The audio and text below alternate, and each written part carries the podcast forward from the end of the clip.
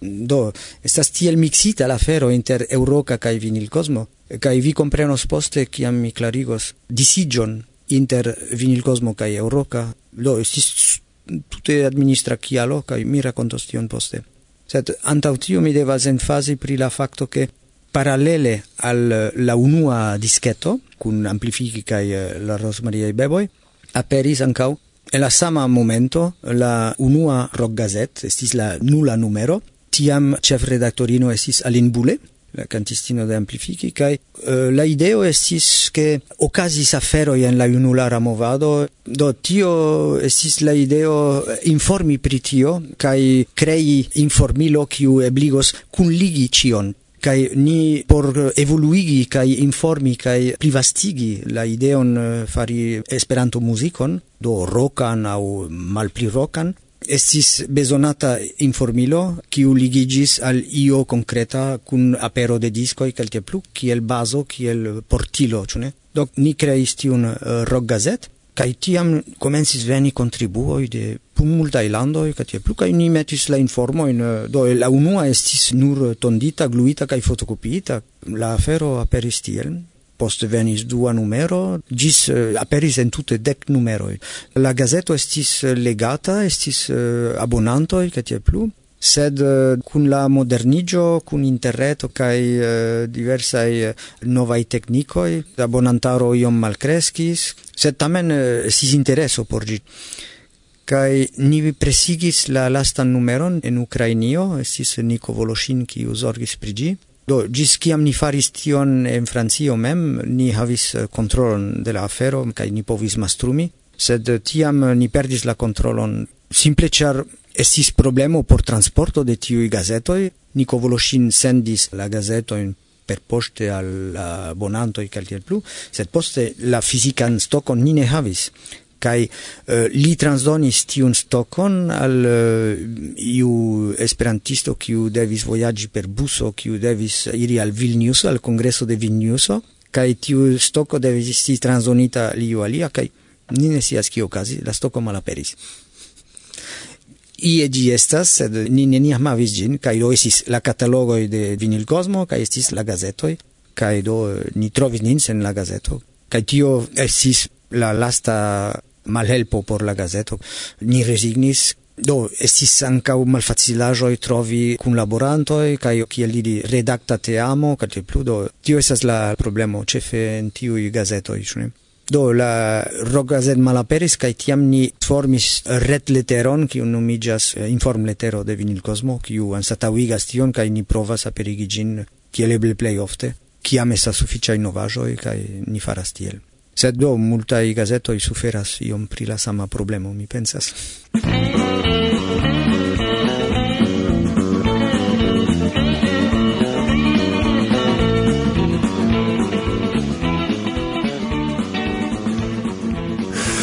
Mi eble ne kutiman demandon donas al vi. Mm, ni esperantistoj, kiuj estas sufiĉe aktivaj, tre rapide orientigas, che oni devas pli aldoni al Esperanto ol oni ricevas. Kaj multaj homoj, kiuj komencas, ke oni povas karierumi kaj riĉiĝi pro Esperanto sen iluziiĝas, ĉu ne? Ĉu vi eh, tiam en la komenca periodo kalkulis iun financan sukceson, aŭ tio estis nur eh, agado el koro por Esperanto kaj tamen vi devis eh, aldoni pli multe ol vi ricevis? Yes. Do mi estas eh, antaŭ ĉio idealisto, ĉu ne? Kaj do mi tute eĉ ne pensis ke mi povus iam risiĝi per de tio. Do fakte la unuan kompilon eh, kiun uh, ni kreis kaj Rock Gazette ni lanĉis tute uh, senmone, ĉu ne? Do pro tio ni lanĉis uh, antaŭ mendan kampanjon kiel uh, multaj alternativuloj faras por eldoni diskon kiam ne estas la mono oni lanĉas uh, kampanjon kaj homoj eh, kiuj volas subteni la projekton povas subteni donante uh, antaŭpagon ĉu ne Do, kaj tiel povis okazi kun la unua disco, kai ankaŭ kun rock gazet. Do, ali flanke mi havas strukturon en Donneville en kiu mi havas exerseioin, kai studion, do en tiu epoca ancora la studio ne existis, sed ni havas tie trinkeion, kaj tiu trinkejo estas absolute destinita al la eh, enspezoj por la produktado. Tio signifas ke la unua disketo estis praktike financita de la antaŭmendoj kai de la trinkejo kiun uh, eh, eh, tri, do la biero in kiun trinkas la muzikisto ki ili exerci do kai tiu trinkeio ciam funkcias kai alportas monon al contribuo kai ni povas diri ke ciu e de Vinil Cosmo ankaŭ uh, eh, ŝuldiĝas al tio ke ne esperanta i bando e consumas bieroin en nia ekzercejoj tio signifas ke sen alkoholo kulturo eh, muzika en Esperantujo ne vere ekzistos ĝis nun kaj fakte same estas un festo. Eh, kion oni povas ankoraŭ aldoni al eh, temo Eŭroka kaj rockgazet do alia aspekto de tio estas ke Eŭroka ankaŭ estas iel kiel peranto por organizi esperanto programo en kadre de kongresoj aŭ de festivaloj kaj tiel plu.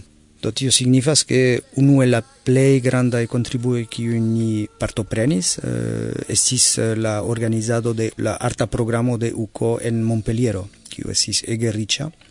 Kaj tie ni sukcesis organizi dum la tuta semaino circa dudek unu aŭ dudek far spektaklojn kaj estis ege riĉa programo. Do estis spektaklo en la Corumo, kiu estis eh, en la granda kongresejo, Poste ni havis alian concerteion extere en kiu anka okazis koncertoj eh, tie de Esperanto bandoi kaj anka ni havis alian, kiu ne estis ejo, estis extere estis iu eh, speco de kiosko, en kiu ni povis fari concerto in tie, kai tio devis okazi du concertoin, sed nur unu povis okazi pro la pluvo. kai imagu che io mo devis fari concerton en eh, uh, Croatio, en uh, Riega, Ili faris concerton tie, kaj la morgaŭon ili deves ludi en Montpellier. Montpellier. Ili veturis dum la tuta nokto kaj kiam ili atingis Montpellier, pluvis, kaj ni devis nuligi la concerton, kaj estis la concerto pri kiu mi esperis concerto cum persone, cum solotronic, cum Jomo kaj tio nuligis.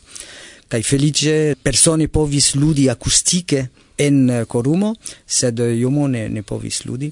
Kaj la dua vespero okazis concerto kun occitanaj bandoj en tiu esplanado, kaj tiu funkciis, kaj eh, estis belega. Sed ja ne plu estis Esperanto, estis la occitana kulturo, kiu estis prezentita.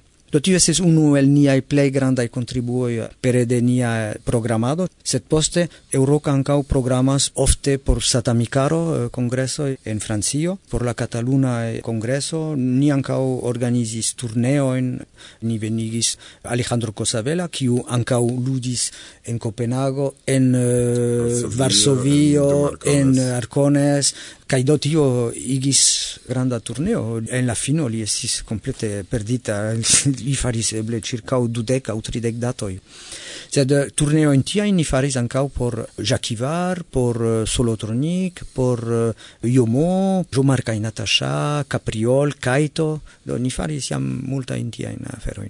Sta stra rigardo de multa stiloi. Do vere colora electo eh, yes, tutte tutte kai do Krom tio ankaŭ ni faris programojn por uh, diversaj festivaloj kaj tiel plu.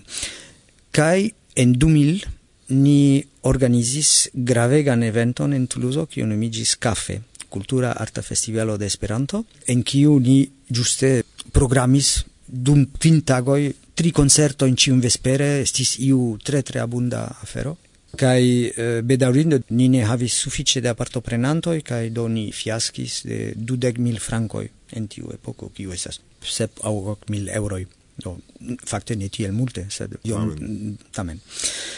kai post tiu mal successo ni provis restarigi cafe do ni volis fari cafe kiel la compenson de la manco kiu esis compare al kef ĉu ne? kai bedaurinde tio ne eblis, ne eblis en Katalunio, ne eblis en Suda Francio, eh, simple char la homoj timis deficitojn kai timis tion, chune kai do finfine evidente tiun ne eblan successon tiam ni klopodis fari tion eh, kadre de festo. Kaj en 2006 mi enigis la organizante amon de festo kaj faris la proponon. Kaj pere de konvencio ni eh, faras eh, kontrakton kun jefo kaj anstataŭ fari kafe ni faras feston. Do por ni estas iom kiel la daŭrigo de kafe fakte. Kaj bona daŭrigo kun vere alta nivelo de muzika propono. Yes, do, Crom tiu, estis tiu qui ocasis en Donaville, en 2010, estis? Estis que fasau festival en Woodstock, char ci estis exterre. yes, estis exterre, cae facte estis vespero, e blin quiu estis tricena o quartcent personoi de homoi qui venis de exterre, de, de Toulouse, cae ets de la urbo, cae do, estis bone gae toso. Homoi iom timis en la villaggio, cae post ili venis, cae tutte joyis partopreni estis evento en la urbo. Ne ciel citie, cie la homoi e de la urbo cacias sin, ĉu ne? Do almenaŭ jes. Do mi iras al alia temo.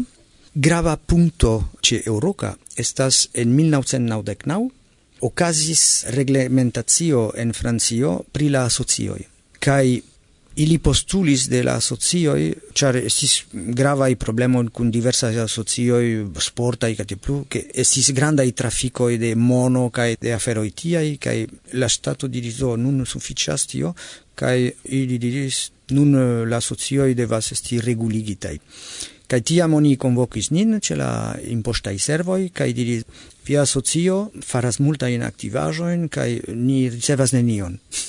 Do tio ni povas funci, kai tiam ili diris, vi devas consideri che vi faras commerson, char vi luas exerceioin, kie la artistoi eh, exersas, vi faras discoin, kiun vi vendas, calti plu, calti plu, tio ne povas daurigi tiel.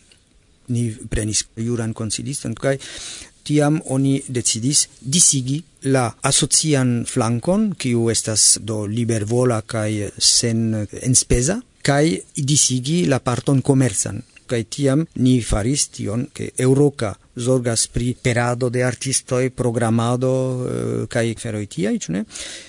kai ali flanke vinil cosmo kiu zorgas pri la exersejoj eh, kiu alportas la monon kai ankao la disco produktadon do de 1999 estas du disigitaj organizoj kai vinil cosmo igis do ni devis inscribigi en la commersa chambro de Toulouse eh, kai ni pagas imposto in kai cio kiel entrepreno fakte tiam mi diris, oh, ĉar mi laboris kiel elektristo en entrepreno, se mi devas eh, crei iun entreprenon, eh, mi forlasas la laboron kaj eh, laboras en tio kai punto kai almeno mi profitos iom pri la laboro kiun mi faras en tio aferoi, kai pagos la impostojn kiun devas pagi kaj tiel plus, et almeno mi faros kiun mi shatas fari kai ne plu bezonos labori en entrepreno kai tiel okazis, ke mi creis tiun eh, vinilcosmo, fakte mi esas la estro de vinil cosmo, vinil cosmo estas la shildo, sed eh, mia nomo estas fronte al eh, la comerza chambro,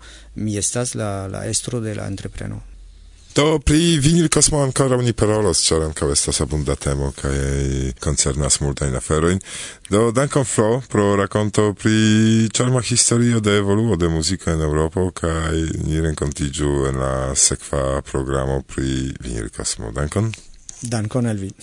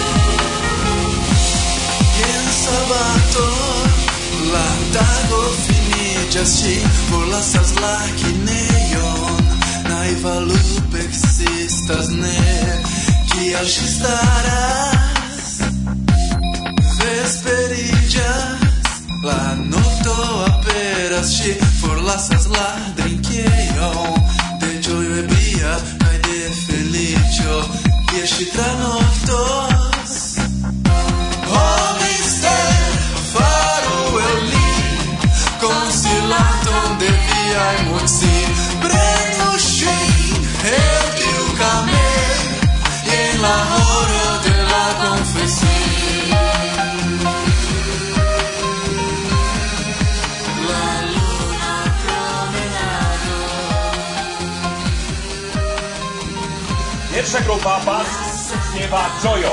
Posłuchajcie Państwo. Tak. Jojo, Jojo, Jojo, Jojo, Jojo, Dobra, zamykamy to. Teraz uczymy się drugiego głosu. Tylko i wyłącznie i. Kantu, kantu, kantu, kantu. Śpiewamy kantu, kantu, kantu dziękuję. Trzeci głos. Ami Kerco, tak? I... Ami Kerco, Ami Koj, dolułaci uczoją. Ami Kerco, Ami Koj, dolułaci uczoją.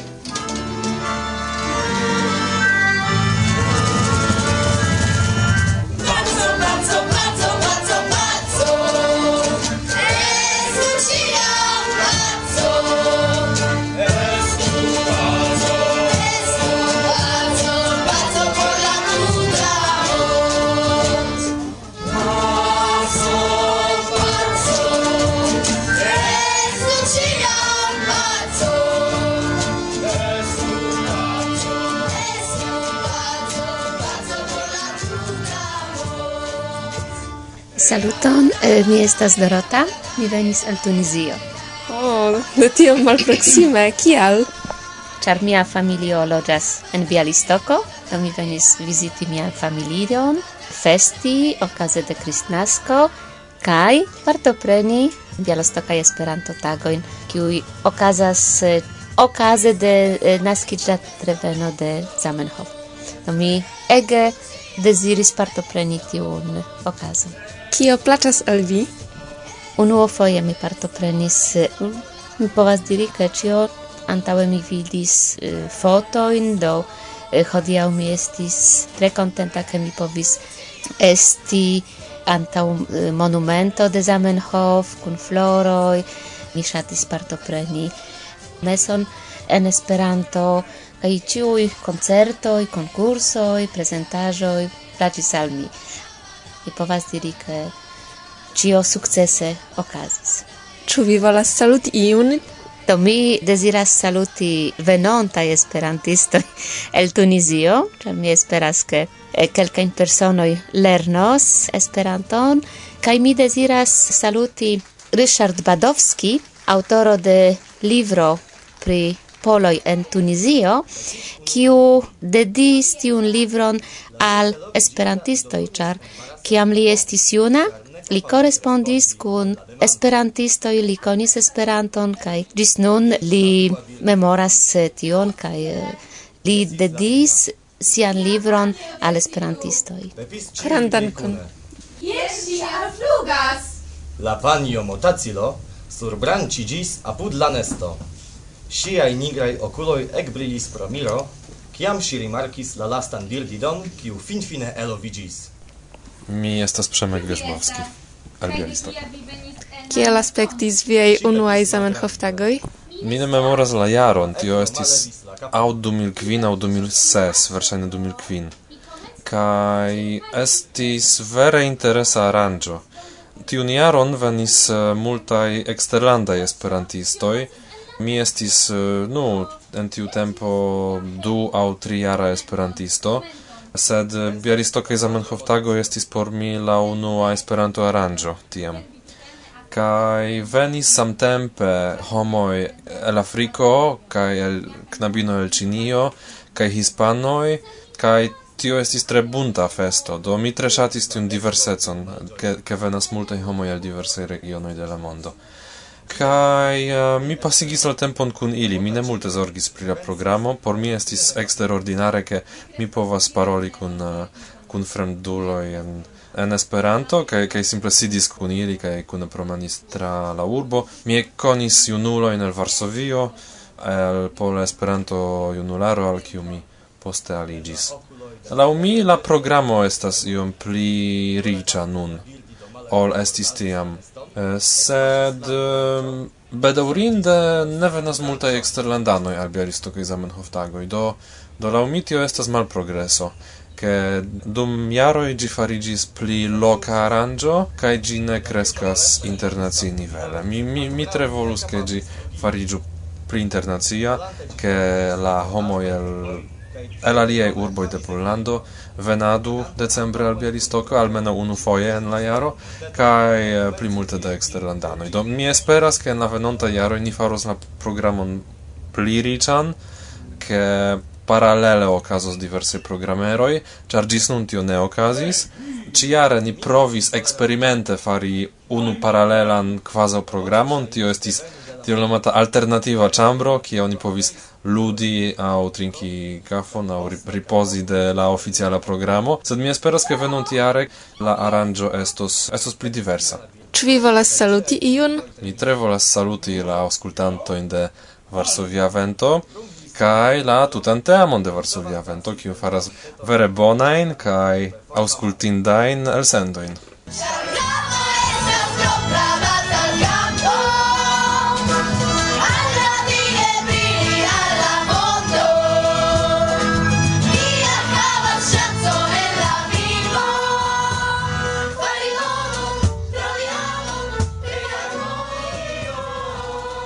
Elsendoin. Mi nomiĝas Anna Filipovic Horoszucha kaj mi estas bialistokanino. Do, vi partoprenas tiun aranĝon ekde ĝia komenco? Jes, vi pravas. Nun ni festas Zamenhof-tagojn la dek kvaran fojon, kaj la unuan fojon mi memoras, ke la ĉeftemo de Zamenhof-tagoj estis krokodiloj kai ni cantis, racontis, dancis kun krokodiloi, eh, sur la sceneio aperis verdai ludiloi krokodiloi, kai estis vere amuse. Tiam Zamenhof tagoi okazis en la cafeio fama, Post kelkaj jaroj ni ŝanĝis lokon kaj dum kelkaj jaroj Zamenhof tagoj okazis en Zamenhof centro Kaj ciare la unuan fojon Zamenhof tagoj okazis en la Bialistoka liceo numero 1. Bialistoko famas pro diverseco. Ĉu tio estis videbla dum la aranĝo? Jes, kompreneble, precipe dum la lastaj jaroj, kiam ni komencis kunlabori kun la ensemblo Jank Folkru. La ensemblo konsistas ĉefe de junuloj, estas infanoj de sep, ses jaroj ĝis eh, dek ok, kiuj ludas kaj kantas en diversaj lingvoj do ni povas audi kantojn en la ida, en bielorusa, en ukraina, en rusa, en angla kaj krome kompreneble en Esperanto. Ankaŭ dum diversaj aranĝoj aperis aliaj ensembloj, kiuj kantis en diversaj lingvoj. Ekzemple antaŭ kelkaj jaroj estis ege bela koncerto de hebreaj kantoj. Kion vi povas diri pri la programo? La programo komenciĝas kutime vendrede, vendrede posttagmeze, kaj estas prelegoj, estas konkursoj, poste sabate de la mateno estas prelegoj denove kaj vespere la plej atendata punkto de la programo vespera koncerto kaj dum la koncerto aperas komence infanoj. Kutime estas infanoj de infan ĝardeno kiwi kantas kaj dancas, kantas kompreneble en Esperanto. Krome estas lernantoj de liceo aŭ mezlernejo, kiu ofte prezentas teatraĵon en Esperanto aŭ ankaŭ kantas, kaj la plej atendata punkto de la vespera programo estas kompreneble naskiĝtaga torto. Kaj tiu ĉi torto estas grandega, ciare estis dudek kilograma grandega torto ornamita bele cun eh, portreto de Ludovico, cun verdai steloi, cae ege bon gusta.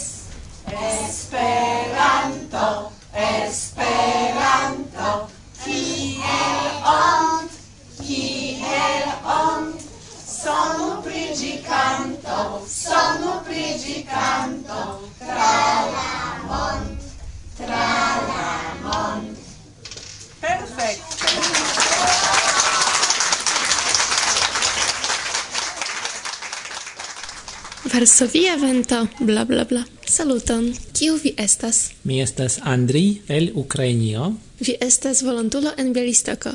Rakontu iom pri tio. Estis konkurso pri volontulado en Bialistoko, kaj mi skribis hazarde, eĉ ne kredante tion, post kelkaj semajnoj mi sciis, ke mi gajnis tiun konkurson. Mi venis en komenco de oktobro, kaj volontulos dum ok monatoj, kai finos en junio. Kion vi faras en Bialistoko? Unu tagon mi laboras en biblioteko, kai dum ĉiu aliaj tagoj mi havas unu aŭ du kursoj de Esperanto. Ni havas unu grupon de maljunuloj, multaj grupoj de junuloj, kaj eĉ du grupoj estas kun tre junaj homoj de kvar, dek ses jar aĝaj. Ĉu vi jam konatiĝis kun la pola lingvo kaj Bielistoko? Jes. Mi dum unuaj kvar monatoj multan komprenis, sed ne povis paroli, kaj nun mi sufiĉe bone parolas en la pola. Mi jam vizitis multaj vendejoj, provis diversajn manĝaĵojn kaj povas diri ke konatiĝis kun la urbo. Ĉu vi senĉese estas en Belisto kaj ekde via alveno? Mi vizitis Ukrainion, kiam estis kongreso de Ukraina landa sekcio, kaj kiam komenciĝis Euromajdano, kaj novjare mi estis en Germanio kaj partoprenis en jes ankaŭ. Do vi estis ĉe Majdan, kiel aspektis tiuj unuaj tagoj? Dum la unuaj tagoj estis ne multe da homo, estis kelkcent homoj, a multe havis ukrainaj flagoj kaj eŭropaj flagoj, kaj estis bona etosa, kaj vera estis bonege, sed iom malvarme, mi diras, vetero vera estis malvarma. Mi audis, ke vi volas skribi artikolon por kontakto. Ĉu vi povas malkovri sekreton pri kio vi volas skribi? Dekomence mi volas scribi pri institucioj, kiu estas bezonataj por verŝajne ajna sukcesa lando en ĉi jarcento, kaj pri harmonia funkciado de ĉi institucioj. Nun Ukrainio havas elekton inter Eŭropa Unio kaj Dogana Unio. En Eŭropa Unio mi vidas multaj sukcesaj, modernaj, riĉaj kaj harmoniaj landoj, kai mi vidas tie bonan exemplon por Ukrainio. En dogana unio, anstata iu harmonio, mi vidas nur tri diktatoroin, Putin, Lukashenko kai Nazarbayev. Kai juste pro tio ancau mi venis al Maidan, al Euromaidan, por montri mian vidpunkton kai che maidan ankaŭ estas aliaj esperantistoi kaj ili eĉ havas afiŝojn en Esperanto. Finfine, ĉu vi volas transdoni viajn dezirojn al Ukrainoj? Mi deziras, ke Ukrainoj ne ĉesu batali por libera, moderna kaj harmonia Ukrainio.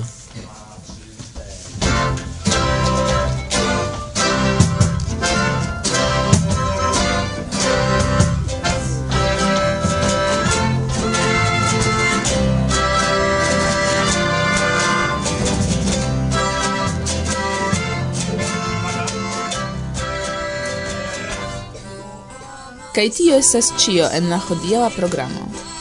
Laboris pri la elsendo. Martusia. Kasia ho. Kasia to. Gorzka me vel gonie. Wow. Kaj mi, Irek. Gis la baldaŭa reaŭdo. Post monato? No, eble iom pli rapida? Jes, ni rapidiĝu. Kaj ne forgesu viziti niajn Facebookan grupon kaj retejon. Kaj kontaktiĝi kun ni. Kompreneble. Jesus.